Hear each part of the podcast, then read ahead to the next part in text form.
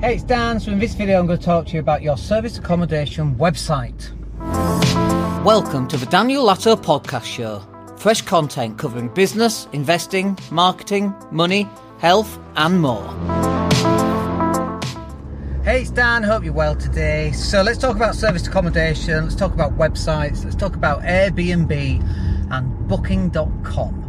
So I don't know if you know this, but uh, just in the last year or so, um, definitely in 2023, maybe going into 2024, Booking.com have not exactly been playing very nice. They've not been paying some of the smaller um, hotel uh, companies or hotel chains, and certainly uh, service accommodation type businesses. And obviously, if you're running a service accommodation business and you've got your mortgage going out every month, you have to find a way of paying your bills, and it's caused quite a lot of problems.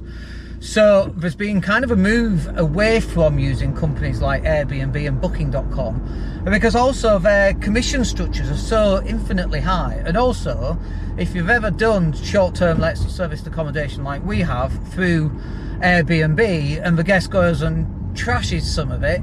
Uh, we had a group of guys that just decided to rip the door off a washing machine. Airbnb couldn't care less. Like we emailed them, and there's just nothing. It's just nothing. They just they just didn't care effectively, and so very very frustrating. So. Uh, one of the things that we actually create as a digital marketing agency is service accommodation websites, which allows you to book uh, allows your clients to book directly with you, for you to take payments directly from your clients, and for you to then synchronize that with uh, Airbnb and Booking.com so that you can still be on Booking.com and Airbnb because that's where a lot of deals are going to come from. But you can also sell your own uh, nights and stays through your own website and then it will synchronize so that you're not double booking, which I think is a, a pretty neat. Um, little trick and uh, we actually produce it. So this is the thing about digital marketing. You find out that you can do this stuff and you do it for clients and it still blows me away years after we implemented it. I still look at uh, content that we create for clients and I'm just amazed. I'm like, did we do that? and uh, they're like, yeah, we did that. And I'm like, oh, that's amazing. Like half the time, I don't even see the stuff that goes out because we've got a full team that does it for us. And um, you know, we'll get a, a, an email in from a client saying, "Loved your last video," and I'm like, "What video?"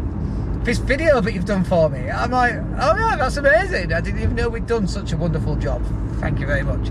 Um, so, if you're in the business of service accommodation, short-term lets, and you need a website to start taking direct bookings. And it's got to look really nice with all the bells and whistles including online payments and an online booking system so people can have a really good user experience of booking your short-term let or Airbnb style property. Then come and take a look. I'll drop the link in down below.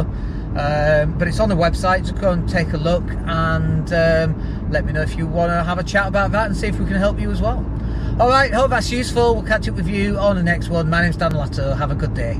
Take care.